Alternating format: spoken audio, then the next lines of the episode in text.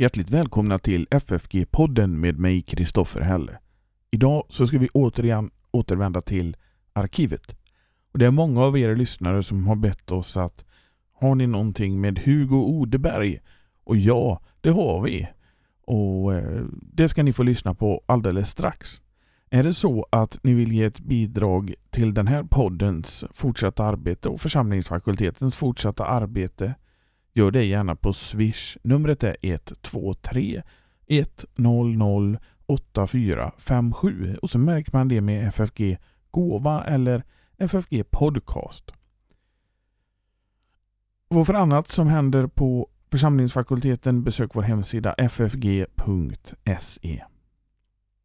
Ja, vi ska alltså återigen gå till arkivet och vi ska få lyssna på ett föredrag av Hugo Odeberg med titeln Den heliga skrift. Och Hugo Odeberg han dog 1973 och jag skulle tro att det här föredraget vi ska få lyssna på är från 60-talet någon gång. Så ljudkvaliteten är inte den bästa. Men jag har gjort mitt bästa för att försöka att se till att det går att lyssna på. Och eftersom det är så många som har bett oss om någonting med Odeberg så gör vi ett försök.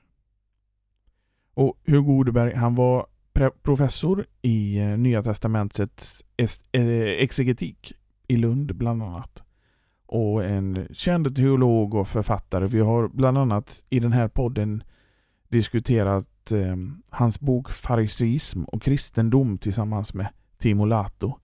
Och Hugo Odeberg har gjort ett stort intryck på eh, teologin här i Sverige och lutherdomen. Så nu Hugo Odeberg, god lyssning.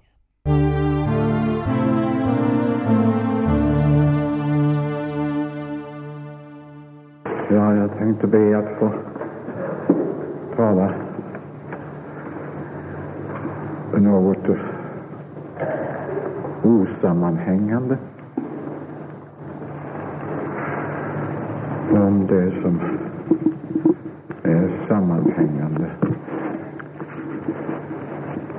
Framförallt då om sådana förhållanden med den heliga skrift som eh, jag utav, av erfarenhet utav inte beaktas, alltså inte beaktas ens utav dem som vill göra det och som eh, principiellt, om man så säger, går med på det. Alltså man eh, säger det är nog sant eller sådär, men det blir bristande realitet, realitet eller verklighet för den som tar emot det. Och det måste då bli inte bara att jag själv inte just för ögonblicket kan få någon disposition eller tala sammanhängande så är det på något sätt i sig självt eh, detta sammanhang inte utav den arten som man menar eller är van att betrakta som sammanhängande.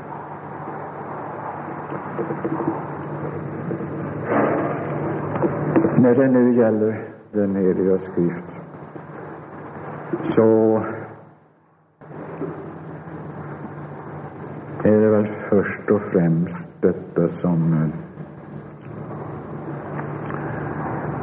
som man då kan peka på är att detta som här uppfattas såsom osammanhängande i själva verket är just något som hänger ihop, sammanhänger.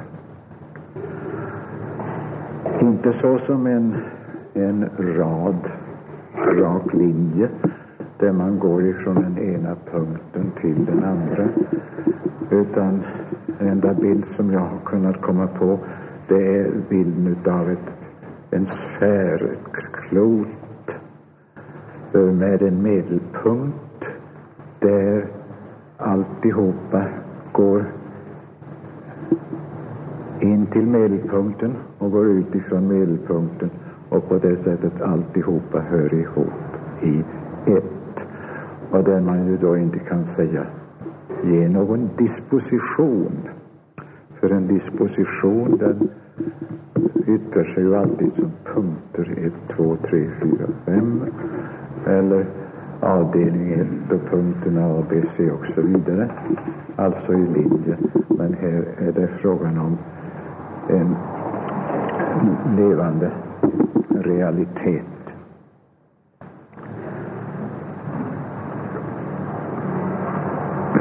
Man kallar sig ju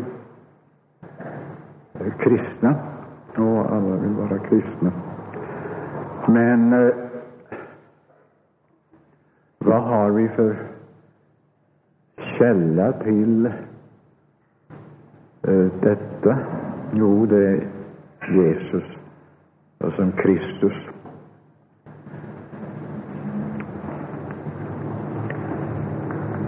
Son, han som har det högsta namnet, det vill säga det gudomliga, outtalbara namnet. Och den källa som vi har om vad han har sagt och vad han har sagt om sig själv och vad han har gjort, det är ju dock Nya testamentet. Och Nya testamentet hänvisar alltid på det gamla testamentet. Och det gör ju Jesus själv. Det är en sak som är så uppenbar, men som är så eh, obeaktad. Även utav det som är eh, allvarligt inställda på det. Att uh, lyssna till vad denne har sagt. Då är det då först och främst detta att han hänvisar ständigt till det gamla testamentet. Till skriften, till vad som är givet. Och skriften, om det heter det, det är skrivet, eller skriften säger, ty så säger ju skriften. Och det är ju då det som skriften säger, det är det som Gud själv säger. Och detta talar han såsom den gudomlige. Och då är det märka att han säger, det jag talar, alltså Jesus Kristus, det talar jag icke utav mig själv. Det talar jag icke utav mig själv. Utan vad min fader har givit mig att tala, det talar jag. Och det är alldeles parallellt med att han säger, jag söker inte mitt eget, under det att fienden alltid söker sitt eget. Om djävulen, till exempel, han söker sitt eget. Och vad betyder det att söka sitt eget? Det betyder att ha avskurit förbindelsen med skaparen själv, med den ifrån vilken hela människans existens har utgått, i vilken är sanningen, ljuset, livet självt. Så vi beaktar således det, att den efter vilken fortfarande benämningen kristen kommer. Jesus Kristus. Han säger detta såsom den gudomlige, som inte talar av sig själv utan är ett med Fadern, skaparen. Med skaparen. Och då hänvisar han således till, till denna heliga skrift och till detta såsom något som aldrig kan göras som intet, såsom det heter i det bekanta stället i Johannes evangelium. Skriften kan ju inte göras som intet. Och förrän himmel och jord förgås så ska inte ett enda ord, en enda bokstav förgås eller göras som intet. Och det är således frågan om en utomordentlig förtrogenhet som därmed förutsättes. Alltså när man hänvisas till detta som är Herrens ord, Guds ord, så är det ju för att det ska tas emot och läsas och studeras, inläras. Det är således inte frågan om här en lärobok. Det är inte frågan om en lärobok. Nu brukar det heta så här, ofta anföras för den som är kritisk eller som tror att han behöver försvara den heliga skriften. Att eh, eh, skriften är inte någon lärobok i, i eh, vare sig historia eller naturvetenskap eller psykologi. Framför allt inte, eller överhuvudtaget en lärobok. Utan det rör bara andliga ting. Nu ska vi lägga märke till således att den heliga skrift är inte given såsom en lärobok ens i andliga ting, om andliga ting. Det är ingen lärobok utav vilken man således hämtar en samling kunskaper om andliga ting. Inte ens om sådana stora väsentliga saker såsom om Gud skaparen, Gud frälsaren, om fördärvets makt och om Guds kärlek. Det kan ju låta märkvärdigt kanske, men det är väsentligt. Ty vad ligger, eller hur gör man i allmänhet med en lärobok? Jo, den behandläser man för att få kunskaper. Och när man kan ha fått dessa kunskaper som denna bok innehåller, då kan man lägga den åt sidan. Då har den gjort den nytta som den är till för. På det sättet är inte skriften utan det är den som är till för hela människan och för hennes ständiga bruk. Det för till ett eh, begrepp som jag skulle kunna säga upprepningens idé att här är det så att här är det frågan om en, någonting som upprepat ska tas emot. Jag har sett att upprepat tas emot. Upprepningen är en väsentlig sak. Mina ord, säger Jesus, det är och ande och är och liv Och han talar om den heliga skrift, det talas om den såsom, såsom maten, stycken och luften, anden, som man andas in. Det är de jämförelser som där görs, de enkla jämförelserna. Och det är utomordentligt talande alla tre det är alltså frågan om verkligt bibliska uttryck. Det är uttryck hos Jesus själv. Inte såsom någonting nytt som, som inte har varit förut, utan som man kan hänvisa till har varit i, just i hela skriften ifrån dess början. Och när det nu heter mina ord, det är och ande och är och liv, vilka är dessa orden? Eller mat och dryck. Vilka är dessa Jesu ord som man här talar om? Det är också en sak som är uppenbar när man tänker på det, men så glöms det återigen bort. Var har vi denne, dessa Kristi ord? Ja, är det det ordet av Jesus som man kan plocka ut ur evangelierna?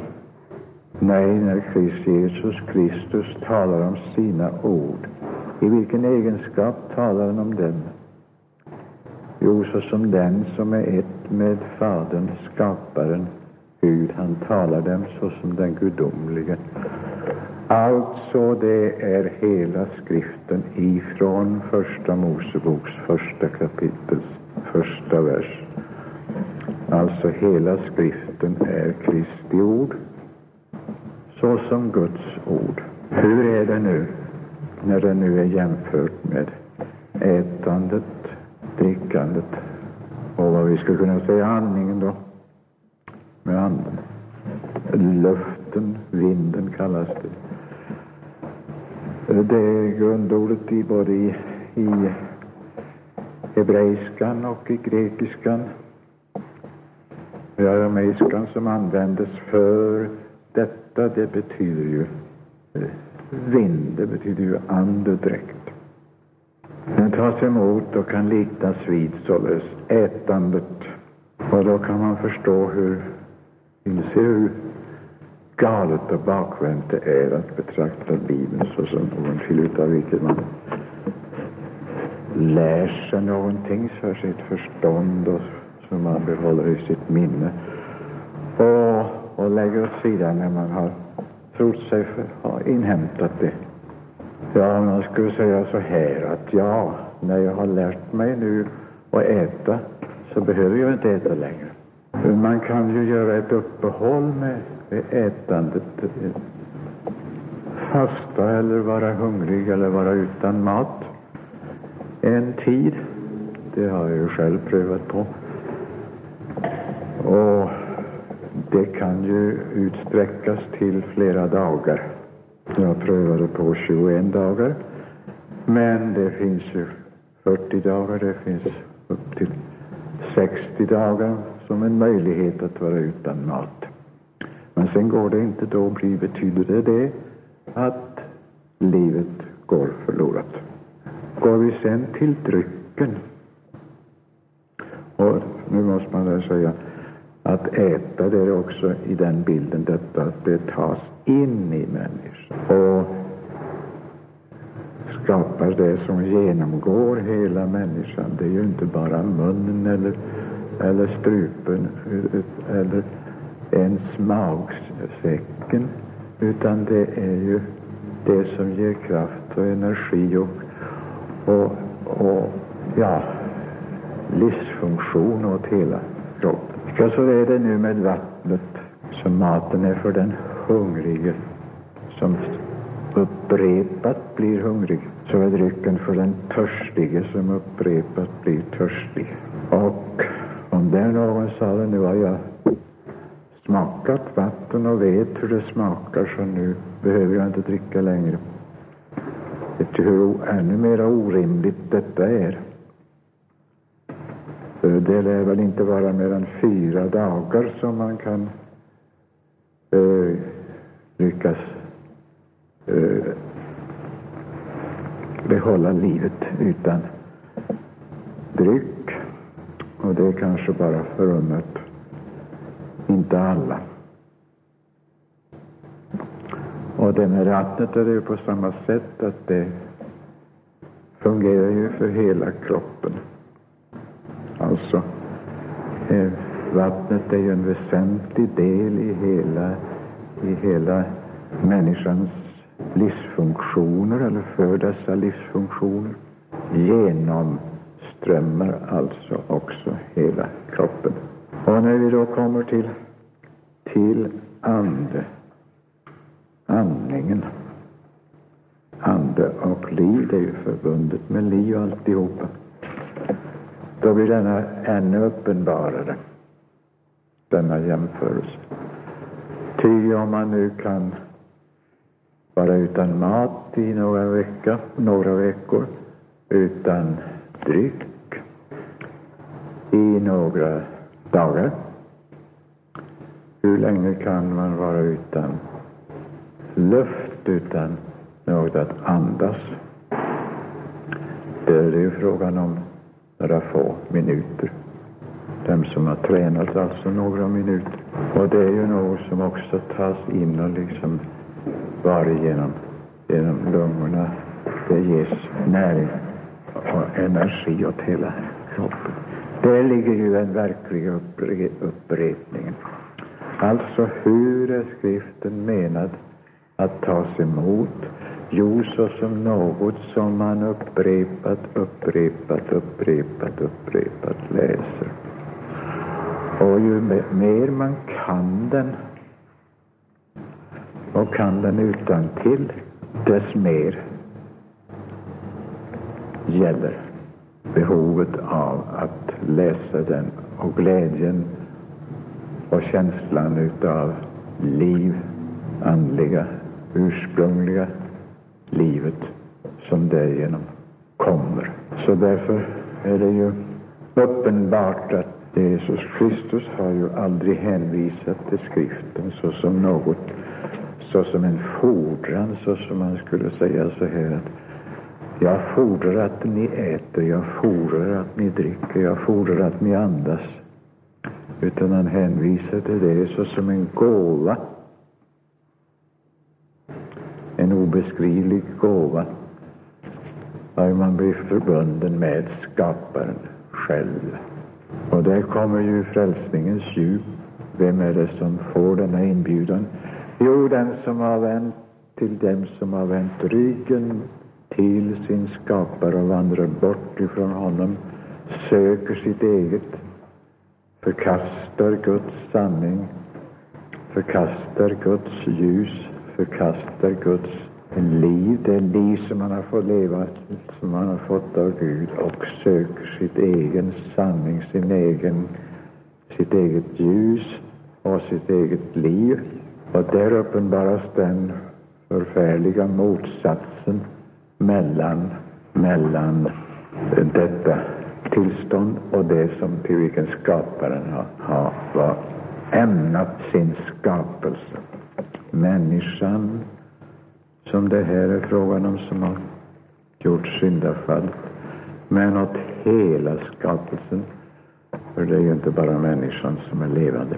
Nu, när man nu så då läser denna skriften och de som gör det, de gamla, så vet vi ju genom tiderna, som har fått den, kommit dithän och fått den lyckan att de, att de har läst Bibeln dagligen och levat i den. De behövde ju inte läsa den bara till utan det kom ju in som något som ständigt kom åter och ringde för öronen. Det blir ju lyckligare och lyckligare för, för varje gång de upprepade, de gamla välkända orden. Upprepningen är således utomordentligt central här i detta avseende. Men det är också frågan om hur är skriften själv beskaffad i frågan om upprepning.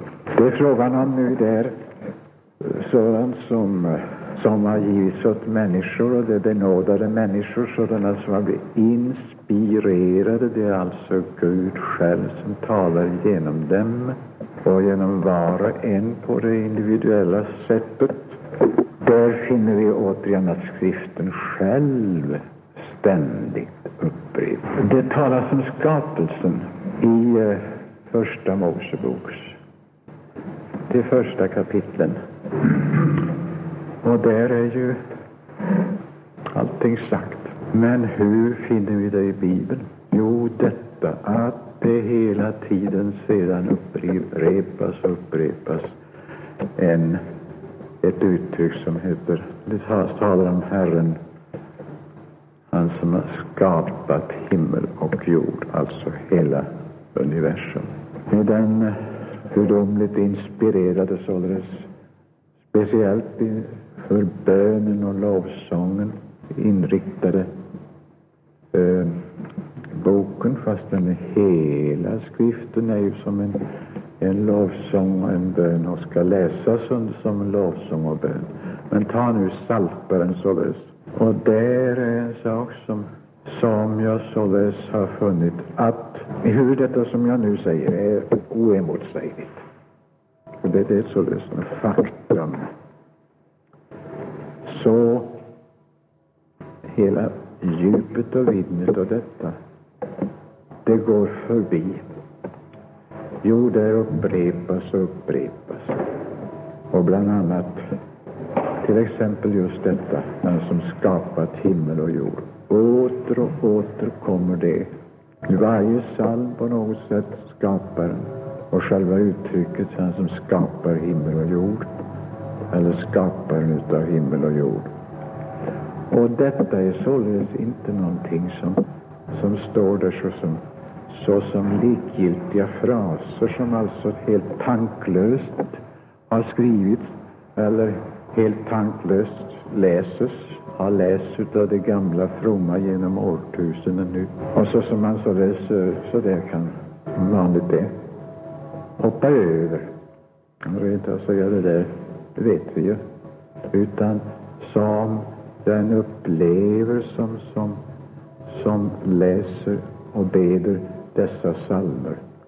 Och så någonting väsentligt som upprepas ifrån morgon och till kväll, till natten och under nattens omedvetna eller undervetna tillstånd.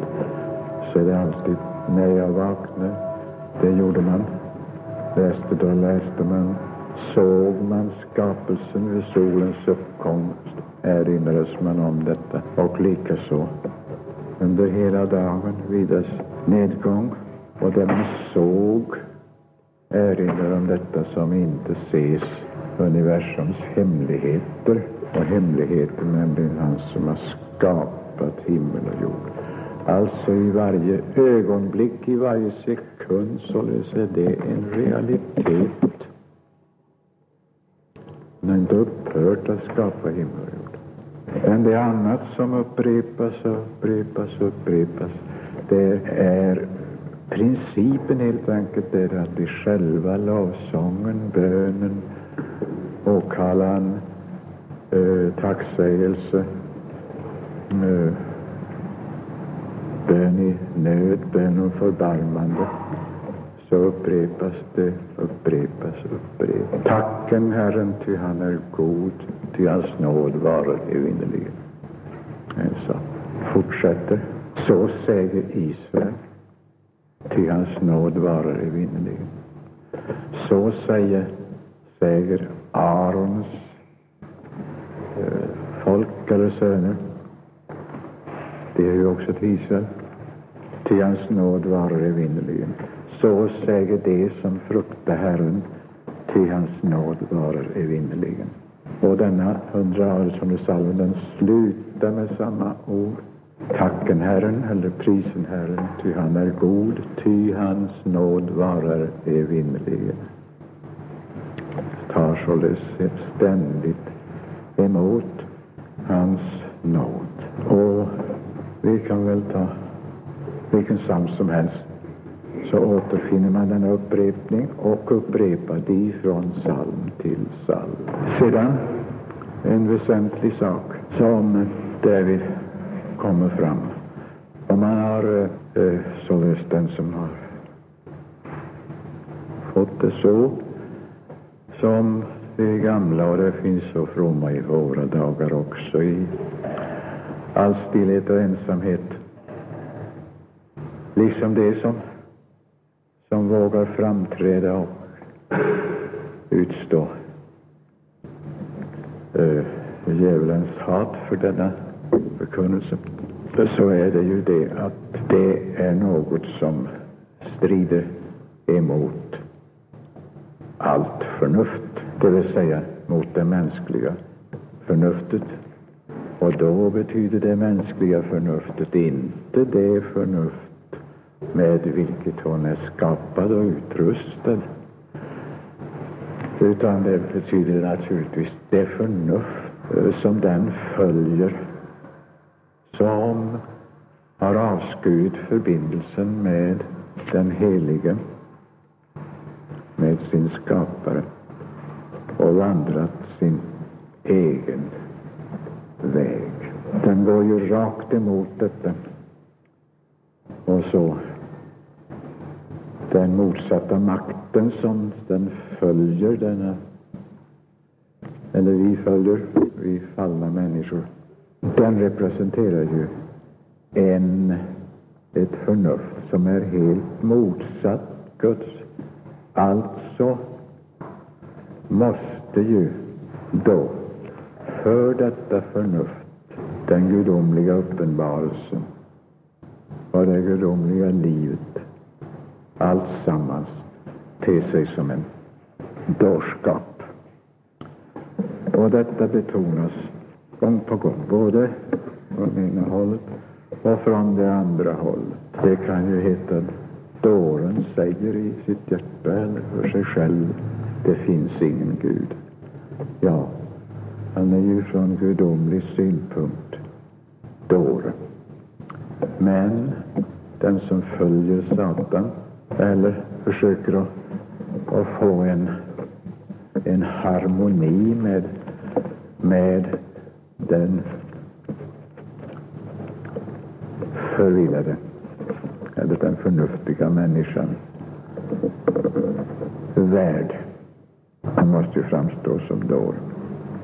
Detta betonas gång på gång och det får inte glömmas. Att försöka göra det, detta, gudom, detta gudomliga ord förnuftigt, det är ju att förkasta detta ordet själv och pröva på en metod som där direkt är orimlig. Och det, detta talas ju om, framgår ju hela vägen. Det är dårskap. Skriftens ord är alltigenom ifrån början till slut dårskap. Orimligt. Det finns en egendomlig parallell, en beaktansvärd parallell till detta, som verkligen tycker också är alltför lite beaktat. Vi har ju haft så mycket mänskligt förnuft och vi har haft filosofier. Vi har haft utomordentligt eh, intelligenta lärare genom tiderna som har följt detta sättet. Och de har funderat hur verkligheten eh, måste tänkas vara beskaffad. Nu har vi en sak som i, det, i vilket denna vår nuvarande tid är alldeles särskilt utrustad med ås, strålande exempel på eller åskådlighet utav detta. Hur är det nu med den verklighet som träder fram för dem som som studerar, låt oss säga naturvetenskap, grundfysik, kemi och dessa, som alltså inte frågar efter några filosofier, utan frågar efter och får fram hur det försöker tränga till grunden. Säger inte minst atomfysiken och, och kärnfysiken och allt sådant underbart. Allt vad det kommer fram är så fullkomligt orimligt. Därför att det är verkligt. Därför att det nu för en gång skulle sant. Alltså det var inte länge sedan filosofer sa, talade om horror vacui. Alltså det kan inte finnas något tomrum. Allting hänger ihop eh, och så vidare. Bara så som ett exempel. Vad visar denna atom? Har den kommit till? Först och främst beträffande atomen att den allra största delen där är ju tomrum. Mellan dessa ofantligt små elektroner som kretsar omkring kärnan.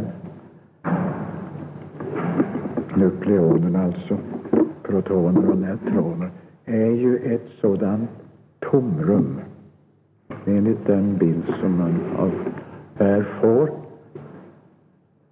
att det som inte är tomrum är försvinnande litet. En eh, atom, om man då sen tänkte ett förhållande mellan eh, denna kärna i atomen och, och dessa elektroner ytterst och avståndet. Det är ju ungefär ett till hundratusen. Alltså man kunde säga det som jag skulle kallas materia enligt det gamla begreppet. Det är ett och tomrummet är hundratusen gånger. Nej, diametern, låt oss säga att detta betraktas som en sfär. Diametern är hundratusen gånger så. Eh, det är alltså inte tal på måfå detta tal, utan det är ungefär som eh, det är så som det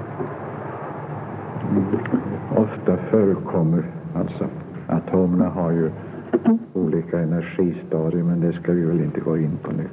Alltså, jag menar det, att det är inte bara Guds ord som är dåraktigt i förhållande till, till det mänskliga förnuftet, utan det är den, den moderna naturvetenskapen som uppvisar samma serie utav orimligheter. Det är ju således inte bara kärnfysiken, utan det är vad den än ger sig in på så finner man det som, som är orimligt. De elektromagnetiska vågorna till exempel, om man bara säger den som har en sån utomordentligt stor betydelse för det dagliga livet och som vi har i använd radio och TV.